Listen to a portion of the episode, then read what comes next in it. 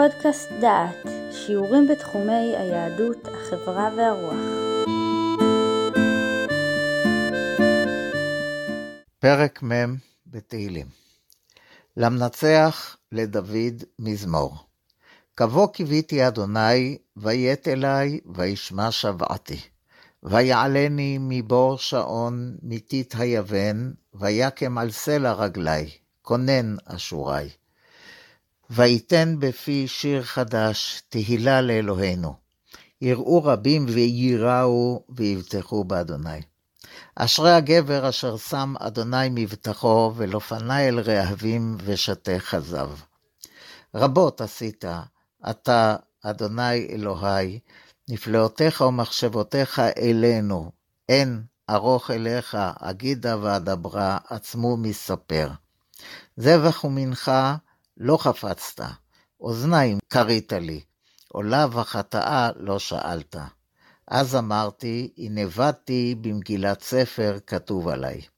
לעשות רצונך אלוהי חפצתי, ותורתך בתוך מעי. בישרתי צדק בקהל רב, הנה שפתי לא אכלה, אדוני אתה ידעת. צדקתך לא כיסיתי, בתוך ליבי אמונתך ותשועתך אמרתי, לא כיחדתי חסדך ועמיתך לקהל רב. אתה, אדוני, לא תכלה רחמך ממני, חסדך ועמיתך תמיד יצרוני. כי עפפו עלי רעות עד אין מספר, השיגוני עוונותי ולא יכולתי לראות, עצמו משערות ראשי וליבי עזבני. רצה אדוני להצילני, אדוני לעזרתי חושה. יבושו ויחפרו יחד מבקשי נפשי לספותה, ייסוגו אחור ויקלמו חפצי רעתי. יסומו על עקב בושתם האומרים לי, האח, האח. יסיסו וישמחו בך כל מבקשיך, יאמרו תמיד יגדל אדוני אוהבי תשועתך. ואני, אני ואביון, אדוני יחשוב לי, עזרתי ומפלתי אתה, אלוהי אל תאחר. מזמור זה, כמו שניים שקדמו לו, הוא תפילתו של הצדיק שסבל מייסורים או ממחלה, ולאחר שנרפא הוא מודה להשם ואומר, קבוא קיוויתי השם, ויית אלי וישמע שוועתי. בעת צרתי קיוויתי שישמע שוועתי, ואכן השם נטע אלי חסד, איתה אוזנו לשוועתי, התקרב אלי ושמע תפילתי. וכך מפרש רד"ק, גם זה המזמור כעניין שני המזמורים הקודמים לו, יאמר אותו החסיד המדוכא אחרי ירפאו. ייתן תהילה להשם יתברך, ויאמר קבוא קיוויתי השם ויית אלי וישמע שוועתי. כמו שקיוויתי אליו שיטה אוזנו לתפילתי וישמע שוועתי, כן עשה. ופירוש ויית אליו רוצה לומר היה קרוב לי, כמו שכתוב, קרוב אדוני לכל קוראיו. קמ"ה י"ח. חלקו הראשון של מזמורנו, שהוא חלק הארי שלו, כשני שלישים מן המזמור, הוא שיר תהילה להשם על ישועה שכבר באה. המשורר מבטיח לבשר את צדקת אדוני. בישרתי צדק בקהל רב, הנה שפתי לא אכלה, אדוני אתה ידעת. צדקתך לא כיסיתי, בתוך ליבי אמונתך ותשועתך אמרתי, לא כיחדתי חסדך ועמיתך לקהל רב. חלקו השני של המזמור, מפסוק י"ג ואילך, נראה כתפילה לעזרה והצלה. רצה אדוני להצילני, אדוני לעזרתי חושה. בשל המבנה המיוחד הזה, היו פרשנים ביקורתיים שטענו שמדובר בשני מזמורים שונים שצורפו יחדיו. חיזוק לטענתם מצאו בעובדה שמזמור עין דומה, כמעט זהה, לפסוקים י"ד-י"ח במזמורנו. למנצח לדוד להזכיר, אלוהים להצילני, אדוני לעזרתי חושה. יבושו ויחפרו מבקשי נפשי, ייסוגו אחור ויתקלמו חפצי רעתי. ישובו על עקב בושתם האומרים האח, האח.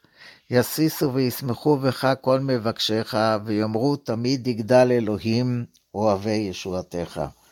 ואני, אני ואביון, אלוהים חושה לי, עזרי ומפלתי אתה, אדוני אל תאחר. ייתכן שמסדרי תהילים משקפים כאן שתי מסורות שונות באשר לאמירת המזמור. האחת שראתה בפרקנו על שני חלקיו, כדברי רד"ק, מזמור שבח והודיה להשם. והשנייה, המשתקפת במזמור עין, שהשתמשה בחלק השני של המזמור כמזמור תפילה, תחינה ובקשה להיחלצות מצרה. כבר אמרנו בשיחתנו למזמור י"ט, שלנו קשה לקבל את הגישה המבקרת. את המזמור, כפי שהוא לפנינו, ערכה יד אחת ליצירה שלמה. אותו עורך או מעתיק, או מה שם אחר נקרא לו, היה מודע להבדל שבין חלקיו של המזמור, ובכל זאת צירף אותם יחד. קצת יוהרה יש בטענה כאילו העורך לא שם לב למה שאנחנו רואים. בניתוח הפרק אנו מבקשים למצוא את מהלך המחשבה והלך הרוח של המזמור כמות שהוא מונח לפנינו. ליצירה המוגמרת כמות שאנו קוראים אותה יש אמירה, ואנחנו כקוראים לומדים מנסים לחשוף מה אנו יכולים ללמוד מן היצירה, מה מנסה היצירה לומר לנו.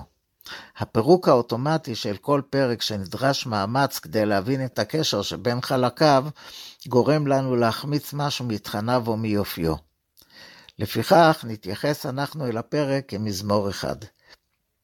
מצד אחד ניתן לראות את כל המזמור כתפילת תחנונים, שבה מזכיר המשורר תחילת תשועה שהייתה לו בעבר, והוא מבקש ששוב יושיע אותו הקדוש ברוך הוא. ומצד שני, כמו שאמרנו כבר, כתהילה שבסופה מזכיר המשורר את הצרה שממנה נושה. קצת חיזוק להסתכלות זו ניתן לראות בפסוק י"ג, כי עפפו עלי רעות עד אין מספר, השיגוני עוונותיי ולא יכולתי לראות עצמו משערות ראשי וליבי עזבני. הפסור הקושר בין שני חלקי המזמור. המשורר מדמה את החולה לאדם שנפל לבור שעון, בור המלא מים רבים, כדברי הנביא ישעיהו בפרק י"ז פסוקים י"ב-י"ג, ושעון לאומים כשעון מים כבירים משעון. לאומים כשעון מים רבים משעון. החולה חושש שמא יטבע במימי הבור. לא רק מים יש בבור, אלא גם טיט. החולה חושש שמא ימות מחוליו. ויעלני מבור שעון, מטיט היבן, ויקם על סלע רגלי, כונן אשורי. השם הוציאו מן הבור והציב אותו על קרקע מוצקה, על סלע. ייתכן ובור שעון רומז אל השאול, בדומה לתגבולת שבפרק ל' פסוק ד', השם העלית מן שאול נפשי, חייתני מיור דיבור. המשורר מודה על הצלתו ושר להשם, ויתן בפי שיר חדש, תהילה לאלוהינו, יראו רבים וייראו ויפתחו באדוני. השם זיכה אותו לשיר שיר חדש על תשועתו החדשה. מכאן עובר המשורר ללשון רבים, תהילה לאלוהינו, שכן רבים יראו את מה שאירע לו ויגיעו לכלל יראת השם. יראו רבים וייראו ויפתחו בהשם. המשורר מדגיש את רצונו להראות את גדלות השם לקהל רב. בישרתי צדק בקהל רב, הנה שפתי לא אכלה אתה השם ידעת, צדקתך לא כיסיתי, בתוך ליבי אמונתך ותשועתך אמרתי, לא כיחדתי חסדך ועמיתך לקהל רב. בתלמוד הבבלי, מסך פסחים דף קי"ז עמוד א', נאמר, תנו רבנן, כל שירות ותושבחות שאמר דוד בספר תהילים, רבי אליעזר אומר כנגד עצמו אמרן. רבי יהושע אומר כנגד ציבור אמרן. והחכמים אומרים, יש מהן כנגד ציבור ויש מהן כנגד עצמו. האמורות בלשון יחיד כנגד עצמו, האמורות בלשון רבים כנגד ציבור. לדוד מזמור, פרק המתחיל לדוד מזמור, מלמד ששרתה עליו שכינה ואחר כך אמר שירה. מזמור לדוד מלמד שאמר שירה ואחר כך שרתה עליו שכינה. ללמדך שאין השכינה שורה לא מתוך עצלות ולא מתוך עצבות ולא מתוך סקוק ולא מתוך קלות ראש ולא מתוך דברים בטלים, אלא מתוך דבר שמחה של מצווה, שנאמר, ועתה קחו לי מנגן, והיה כנגן המנגן, ותהי עליו יד השם. במזמורנו באה שמחת ההיחלצות מן האיסורים לפני השירה להשם. את מסכת איסוריו מתאר המשורר כאמור דווקא בחלקו השני של הפרק, כי עפפו עלי רעות עד אין מספר, השיגוני עוונותיי ולא יכולתי לראות, עצמו משערות ראשי וליבי עזבני. ואני, אני ואביון, אדוני יחשוב לי, עזרתי ומפלתי עתה, אלוהי אל תאחר.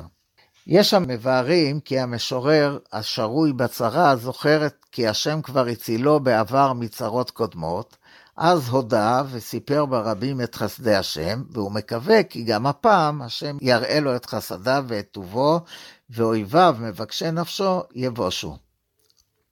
תפילתו של המשורר במחצית השנייה של פרקנו נמצאת כאמור במילים דומות בפרק ע'. המשורר מזכיר במזמורנו אחדות ממידותיו של הקדוש ברוך הוא.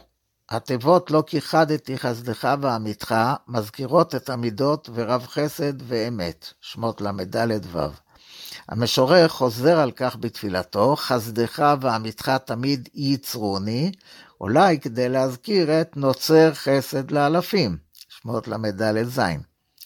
את מידת הרחמים אל רחום וחנון, שם בפסוק ו', מזכיר המשורר בדבריו, אתה השם לא תכלה רחמך ממני.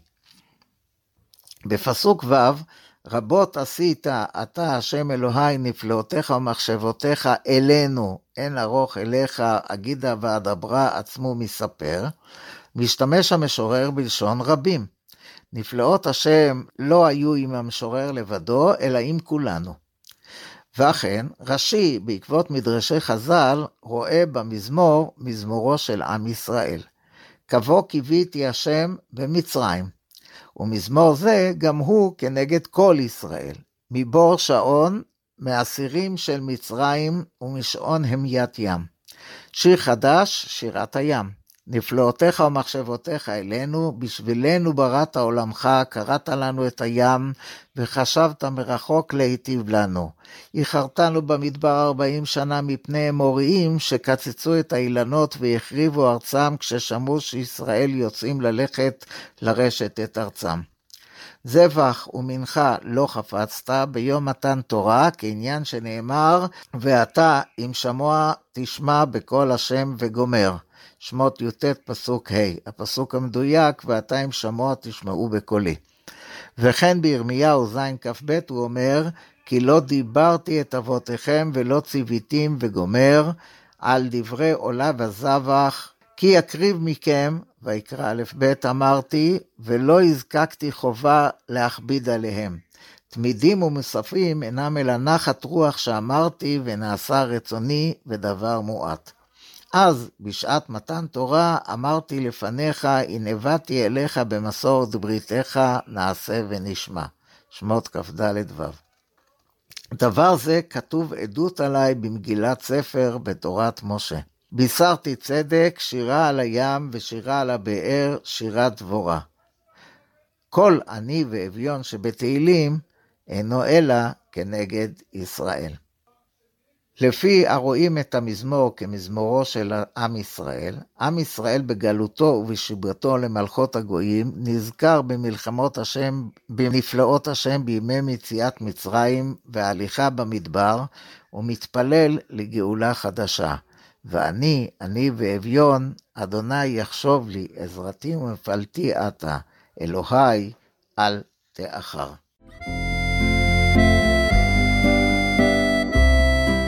שמעתם שיעור מתוך הקורס עיונים במזמורי תהילים, מאת פרופסור יהודה אייזנברג ובהשתתפות דוקטור יהושע רוזנברג. את הקורס המלא וקורסים נוספים ניתן לשמוע באתר דעת במדור פודקאסט.